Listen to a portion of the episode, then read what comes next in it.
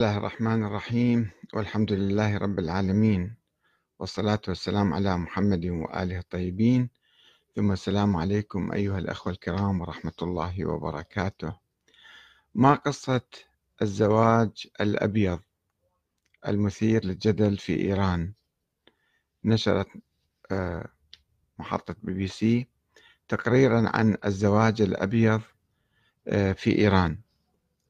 وسوف نذكر بعض تفاصيله ولكن سؤالنا هو بماذا يختلف هذا الزواج عن الزواج المؤقت المعروف بالمتعة عند الشيعة أو الزواج العرفي؟ وهل هو تحلل من الشريعة الإسلامية أم هروب من المهر الثقيل والشروط الصعبة في الزواج والطلاق؟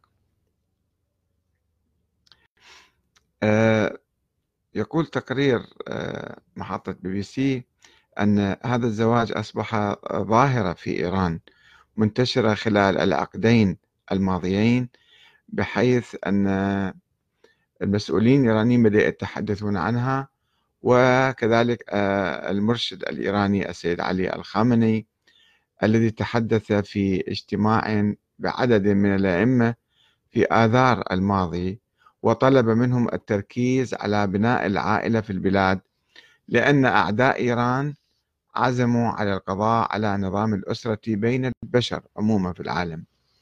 وأضاف لقد صمم أعداء الإنسانية الرأسمالية العالمية والصهيونية. منذ قرابة مئة عام على القضاء على الأسرة بين البشر ونجحوا في بعض الأماكن لكنهم أخفقوا في أماكن أخرى ومنها إيران الإسلامية إلا أنهم ما زالوا يسعون ويعملون على تحقيق ذلك.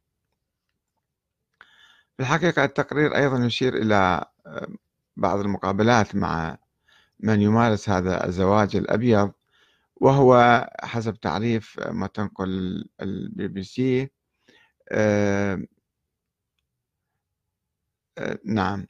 هو اتفاق شفهي بين شاب وشابة على العيش المشترك كزوجين لكن دون إضفاء أي صفة شرعية أو قانونية ودون التزام أي من الطرفين بأي حقوق أو واجبات وهو يشبه إلى حد ما علاقة الأصدقاء الحميميين يعني بوي فرند وجيرل فرند اللي موجودة بالغرب المنتشرة على نطاق واسع في الدول الغربية. إذ أنه غير موثق بعقد رسمي أو عرفي ويسمى هذا الارتباط بالفارسية ازدواج سفيد يعني الزواج الأبيض. آه، ويقول بعض نشطاء مواقع التواصل الاجتماعي أن الظاهرة منتشرة على نطاق واسع في المدن الكبيرة مثل العاصمة طهران. فالسؤال هو آه، لماذا حدثت هذه الظاهرة بالحقيقة؟ طبعا آه، ينقل تقرير بي بي سي أنه آه، يعتبر في إيران هذا أشبه بالزنا وتكون عقوبة من من يثبت أو يثبت عليه هذا النوع من الزواج عقوبة شرعية أي أنها تعامل على أنها زنا بحسب ما أقر رجال الدين في إيران. هذا أنا بالحقيقة ما متأكد من عنده وما أعرف شنو سببه ولكن إذا أجينا على الظاهرة في الغرب الظاهرة في الغرب نشأت في الحقيقة من مو فقط من مؤامرة للقضاء آه، على الأسرة بصورة عامة الناس يحبون العيش المشترك والتكافل الأسري وبناء العائلة مع بعض إلا أن التحلل زايد آه، نشأ أيضا من ظروف آه، التعقيد في في الطلاق. وفي مو فقط أنه كان سابقا عند الكاثوليك الطلاق محرم وممنوع ولا يزال أيضا حتى في لبنان مثلا عند الكاثوليك المسيحيين الكاثوليك يعني الطلاق آه، محرم أو صعب جدا. وفي الغرب أيضا عموما كانوا يستصعبون الطلاق ويعقدوا سنوات حتى مثلا واحد آه، ينفصل عن زوجته. وعندهم مرحلة تسمى مرحلة الانفصال. يعني ينفصلون عمليا وإلى أن يأخذون أوراق من المحكمة أن هذول مطلقين. آه، ولذلك أو بعد في قوانين عندهم أيضا إضافية من من الحكومات المدنية وليست من الكنيسة المسيحية.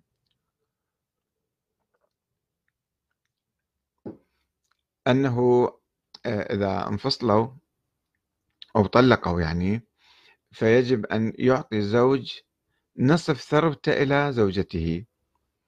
وسمعت يمكن قبل أيام أو قبل فترة قصيرة يعني آه، صاحب موقع أمازون اللي هو أغنى رجل بالعالم آه، طلق زوجته أو زوجته طلبت الطلاق يعني بعد فضيحة. علاقات سرية كان عنده مع وحدة. فطلبت الطلاق واقتسمت ثروته وكانت حصتها 38 مليار دولار. أخذت وراحت يقال أنه هي أيضا كانت مشتركة معه في العمل ولكن المهم آه هذا قانون موجود في الغرب. وحتى أعرف صديق عراقي هنا في لندن تزوج وحدة عراقية ثم اختلفوا وطلبت الطلاق. طلقها أيضا أخذت نصف ثروته. والآن هو يرفض الزواج مرة أخرى آه، وعنده أطفال أيضا ولكنه يرفض الزواج يقول أنه أخشى أنه تجي واحدة ثانية أيضا تأخذ نصف ثروتي وتروح بعد فترة ما عجبها آه، الزواج مثلا أو العيش معي أيضا تأخذ ثروة وتروح. فيفضل عدم الزواج ولا أدري هو كيف عايش يعني. عايش يعني بدون زواج أصلا أو بصورة أخرى الله أعلم. آه، فهذه مشكلة في الحقيقة يعني التعقيد تعقيد الطلاق وأيضا الشروط القانونية بإعطاء المرأة نصف ثروة الرجل مهما كانت يعني. في نوع من شوية يعني بالتالي عمليا يمكن الناس يقولون هذا عدالة للمرأة والمرأة كانت مع الرجل. طيب لو كانت عايشة معه مثلا شهر شهرين سنة سنتين مو عايشة معه طول العمر وجمعين ثروة ف فقط تفكر بالطلاق وتاخذ نصف الثروة وتروح هذا يخلي الناس سواء كان الأمر عادل أو غير عادل لا, لا أريد أن أدخل في هذا الموضوع. ولكن عمليا الناس يحجمون عن الزواج الرسمي يقول لك أنا أفضل أعيش مع وحدة بصورة هكذا. خارج الكنيسة طبعا هنا في الغرب خارج الزواج الكنسي يعني وخارج الزواج القانوني. ومتى ما أريد أفارقها أفارقها أو متى هي تفارقني تفارقني. في الإسلام في بالحقيقة بالشريعة الإسلامية آه، الزواج سهل جدا. وما في حتى الطلاق ما في يعني آه، تعقيدات زائدة. البعض طبعا آه، يعني يستغل هذه البساطة في قانون الأحوال المدنية الإسلامي لكي يعني يستغلها بشكل سيء. مثلا يجي يطلق إيش وقت ما يريد أقل شيء صار عصبي وغضب أنت طالق ثلاثا ويهدم الأسرة بكلمة واحدة. فهل هذا صحيح مثلا؟ أو هل له إيش وقت ما يريد يهدد المرأة بالطلاق وتطلع برا فيستعبدها أيضا بهذا انه يهددها. ويطردها بالشارع تروح ما عندها أي حقوق إلا مثلا المهر أو شيء من القبيل هذا. أو أنه آه، يعني في بعض البلاد الإسلامية آه، المرأة لا تنصف يعني افترض الزوج عافها. أعرف امرأة الآن في الحقيقة امرأة عراقية في مدينة الناصرية آه، قبل مدة أختها حدثتني عنها هنا في لندن. قالت هذه مرأة كانت متزوجة ثم حدث خلاف بينها وبين زوجها. اتدخل الأخ حتى يصلح بيناتهم أو حتى يحل المشكلة فقام الزوج بقتل أخيها. أطلق عليه الرصاص وقتله. ثم هرب. هرب صار له خمس سنوات هارب هذا الرجل. لا نفقة ولا طلاق ولا زواج معلقة صايرة هكذا. وما معروف وين سافر البلاد الأوروبية أو كذا عنوانه ضايع. لأن قاتل مطلوب. وإذا ألقي القبض عليه سوف يسجن أيضا. سوف يسجن ربما مؤبد أو يعدم أو أي شيء. ما يعني ما وضع هذه المرأة؟ حسب علمي ذهبت إلى المحاكم وذهبت حتى للمراجع. تطلب الطلاق أنه هذا صار له خمس سنوات عايفني ورايح. يقولوا له في المحكمة أنت ما نعرف هذا وين حتى ندز له رسالة ونقول له تعال خلينا نشوف شنو قصدك طيب بالنتيجة أنه هذه امرأة حياتها تتدمر. ومعلقة ولا تقدر تتزوج لا تقدر تعيش لا تقدر تعمل آه، لأنه القوانين عندنا ما تحمي حقوق المرأة. في إيران عملوا آه، لائحة شروط 12 شرط آه، في الزواج ينصحون الزوجين أو يلفتون نظرهم إلى هذه الشروط فيوقعون يطلبون منهم يوقعون عليها حتى يحفظون حق المرأة. منها مثلا كما تفضل الشيخ عباس حرب العاملي وبين لنا أنه آه، في عقد الزواج في إيران شرط عدم الزواج من امرأة أخرى إلا بعد إذن الزوجة الأولى. شرط تقاسم الأموال مناصفة إذا رغب الزوج في الطلاق نفس القصة القانون الغربي يعني مدخليه في هذا القانون. وهذا مطبق في تونس أعتقد أو في بعض البلاد الأخرى أيضا. وأيضا مسبب مشكلة في أو بعد ما يطلق الرجل زوجته يجب أن يتكفل بنفقتها وسكنها مدى الحياة.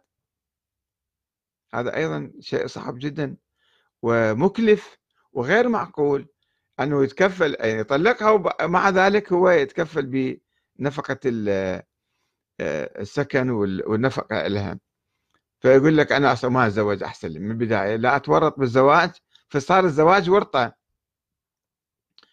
وأيضا من الشروط اللي يضعوها في إيران في المحاكم الإيرانية أن يكون المرأة لها حق الطلاق تطلق نفسها.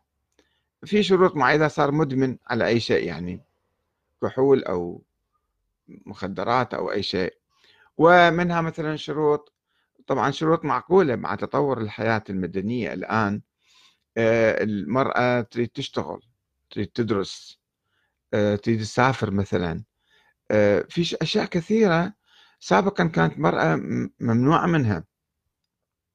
وأمهاتنا وجداتنا في ال... كذا أصلا ما تطلع باب البيت إلا تأخذ إذن من الزوج.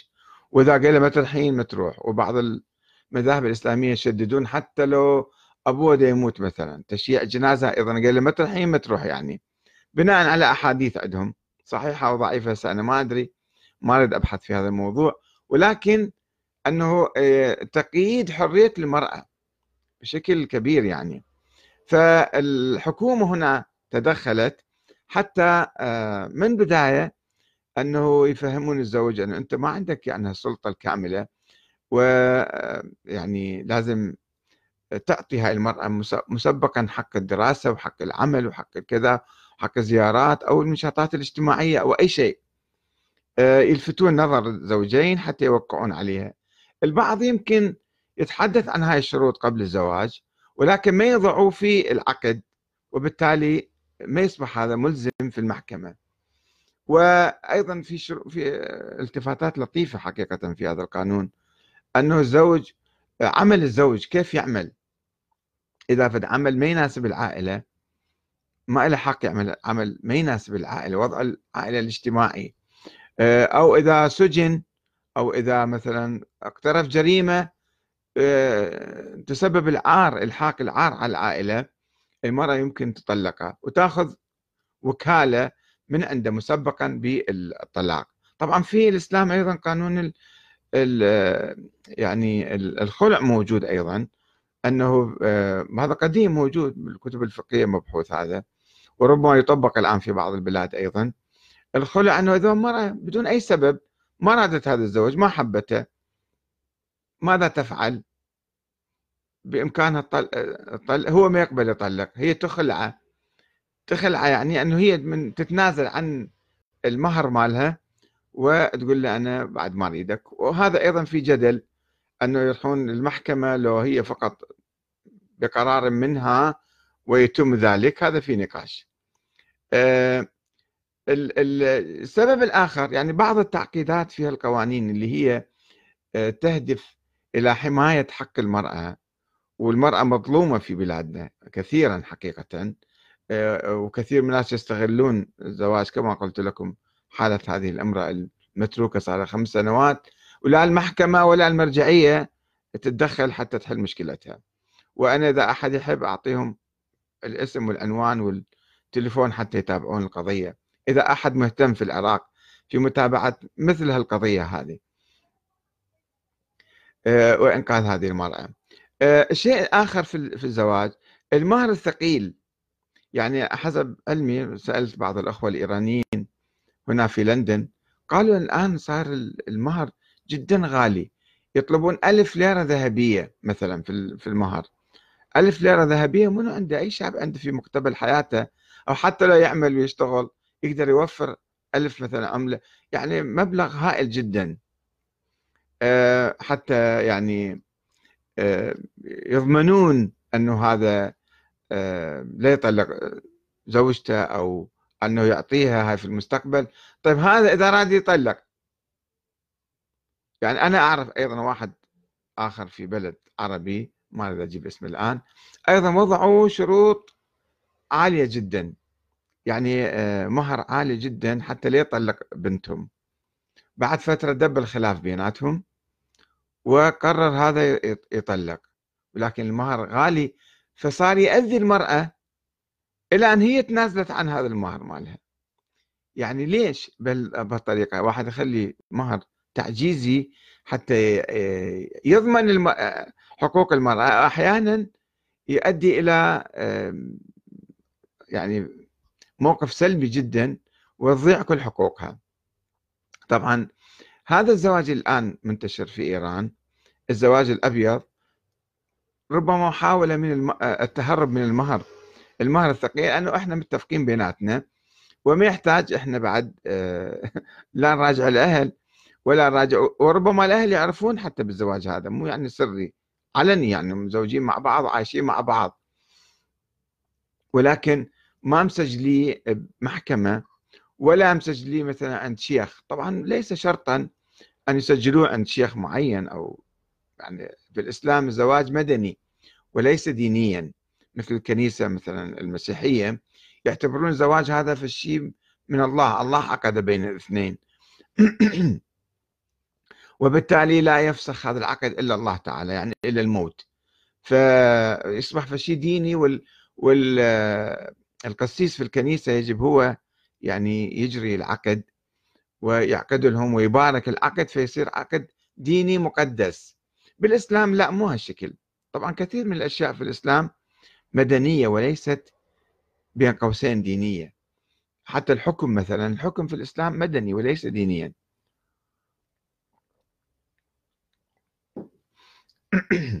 مثل الغرب يعني اللي كان سابقا آه، يعتبروه ديني واخذ شرعيته من الكنيسة. في الإسلام ما عندنا كنيسة حتى تضفي شرعية على الحكم وكذلك على الزواج مجرد تعاقد بين اثنين. فإذا أنا لا أعرف تفاصيل هذا الزواج حقيقة في إيران. آه، إذا كان هو اتفاق شفوي يعني عقد شفوي. وأساسا موضوع الزواج في موضوع العقد هناك نقاش بين الفقهاء المسلمين أنه هل هو اتفاق عملي أم عقد لفظي يجب أن يجرى أيضا؟ هذا نقاش فيه. آه، ومسألة المهر أنه آه، لازم يحطون مهر بالإسلام. آه، إذا ما حطوا مهر شو يصير بعدين؟ مهر المثل يعني لازم تستحق المرأة. المهر من أجل يعني مو من أجل بيع المرأة في الحقيقة كما البعض يتصور. المهر من أجل ضمان حق المرأة. أن واحد يزوج امرأة ورا يومين ثلاثة ورا أسبوع يتركها ويروح. كما يحدث الآن في ما يسمى بزواج ال مو المسيار زواج المسفار. الناس يسافرون إلى بلاد عربية وأجنبية وأغنياء من بلاد تعرفوها أنتم يعني يروحون يزوجون ولمدة أسبوع لمدة شهر ثم يترك المرأة. يتركها طيب ماذا يفعل بها إذا كانت بنت باكر سوف يعني يصعب عليها الزواج مرة أخرى عندها مشاكل. فالمهر هنا آه، إذا كان يغلون أحيانا بعض آه، الأسر حتى لا يتركها بسهولة. إنه في مهر ثقيل عليه. إذا كان ناوي يتزوج زواج دائم ويحفظ هذه البنت ويقر يعني يتكفل. وإذا لا مو لعبة تصير. إذا ما في مهر أو مهر بسيط وبعض الناس كان أيام زمان يزوجون على كتاب الله مثلا. يعني نسخة من القرآن. هذا مو صحيح. القرآن لا ليست لا يثمن بشيء حتى يكون مهرا للزواج. أو أشياء بسيطة ولذلك يتساهلون في هذا. التساهل خطأ تماما. التساهل يعني بالمرة خطأ. والمغالاة في المهور أيضا خطأ لأنها تعقد حياة الشباب وبالتالي تمنعهم من بناء حياتهم. بينما إذا مثلا الأهل ساعدوهم وقبلوا بالقليل وحتى يبنوا حياتهم إذا شافوهم جادين وما في مشاكل مو بعدين لازم يعطيها نص المهر ونص الأموال مالته والتعقيد في الطلاق وكذا فيدفعون الشباب إلى هكذا أنواع من من الزواج اللي موجود في الغرب مثلا. ربما قسم من هذا الزواج قسم من هؤلاء الشباب الذين يتزوجون هكذا يعني هم متحررون من الالتزام بالشريعة أو من الإسلام ما متدينين مثلا أو قسم منهم لا متدينين يعقدون بيناتهم. وإذا بالفقه القديم إذا أنتم سألتوا اثنين ما هي علاقتكما؟ العلاقة بينكما قالوا نحن متزوجون متزوجان يعني. فخلاص يكفي الإقرار بالزواج. كان يعتبرون الفقهاء هو هذا النوع يعني ما يحتاج نسألهم وين عقدتوا ومن عقد لكم؟ وشنو العقد كان؟ وكذا. ففي الحقيقة يعني المجتمعات الإسلامية تواجه هذا الخطر بين التطرف في قمع المرأة واستغلالها وإهدار حقوقها وتعرفون مجتمعاتنا يعني حتى النهوة اللي عندنا من بعض الناس القرويين أو القبليين اللي مهيمنين على المرأة مو فقط أخوها وأبوها وكذا هم اللي يوافقون ورغم ما تكون هي مرة كبيرة وراشدة وعاقلة وكل شيء ما لها حرية الزواج آه، أن تقرر هي واحدة تتزوج. لا لازم العائلة توافق. مو فقط العائلة القريبة إنما أبناء العم أيضا يجب أن يوافقون. وأقرباؤها. وهذا نوع من تقييد حرية المرأة. في نفس الوقت يعني مجتمعات متطرفة من ناحية ثانية أن تتحلل من كل القيود. تتحلل من آه، حتى ما يسمى بالزواج المدني في بعض حالاته آه، القانون اللي عرض في لبنان وما أقر حتى الآن. في نوع من هذا مثل المساكنة يسموه. أنه ما هذا يعتبروه زواج وكذا. بس آه، في هذه الحالة أيضا حالة الزواج الأبيض إذا ما سجلوه في الحكومة يعني في الدوائر الرسمية فهنا حق المرأة راح يضيع بالمرة. وإذا مثلا آه، صادفوا حملة المرأة آه، راح أيضا المجتمع يرفضها وهي ترفض الأولاد ويشوفون اللقطاء بمئات الألوف في بلادنا. سواء في طهران أو القاهرة أو مختلف البلاد لماذا آه، يضطرون إلى إلقاء الأولاد في الشوارع؟ لأنه ينتج عن لقاءات آه، محرمة أو غير شرعية فهنا إهدار لحقوق الأطفال وتربيتهم. بالغرب حالين المشكلة بأن الدولة أصلا ما عندهم شيء حلال وحرام في المجتمع. آه، مجتمع عايش عايشين أفراد كل واحد فرد ما في قبائل وعشائر يعني مع بعض عايشين. وبالتالي آه، كل بنت عايشة واحد وحدها أو شاب عايش وحده. والبنت إذا حملت من أي طريق يعني وعافى زوجها أو عافى صديقها فإذا هي تشتغل تكفل حالها وإذا ما تشتغل تأخذ معونة من الدولة لمساعدتها في الحياة يعني. في بلادنا ما, ما لا يوجد هذا الشيء. وبالتالي هذا راح ينعكس على حياة المرأة أن تهدر حقوقها بالمرة وأيضا آه، إذا جابت أطفال الأطفال راح تهدر حقوقهم ويضيعون ويضيع النسب. فالحفاظ على الأسرة آه، يحتاج إلى قوانين معتدلة. آه، عدم التطرف في المهر وعدم التطرف في التشديد في القوانين. في حقوق المرأة وعدم التشدد في مسألة الطلاق. لازم عندنا ميزان معتدل. أنه يمكن واحد يطلق مرته إذا ما قدر يعيش والمرأة أيضا لها حق حق أن أن تخلع زوجها وأيضا التكلفة المالية أو يعني الاتفاق على شيء من المال أن الزوجة إذا افترض واحد طلق مرته مذبة بالشارع فيجب أن يحفظ لها نوع من حقوقها حتى تستطيع استعادة حياتها مرة ثانية. آه، هي هذه مسألة معقدة في الحقيقة وأي تطرف في أي ناحية يؤدي إلى خلل في مؤسسة الزواج فليست مؤامرة فقط. هناك مؤامرة نعم ربما مخططات يعني ليبرالية غربية إلى تهديم الأسرة وإشاعة الحياة المشتركة بين الناس ولكن في أيضا مشاكل آه، قانونية ومشاكل اجتماعية. نأمل أن آه، يعني آه، نلتزم بالحدود المعتدلة الموجودة في الشريعة الإسلامية بلا تطرف من هنا أو هناك. والسلام عليكم ورحمة الله وبركاته.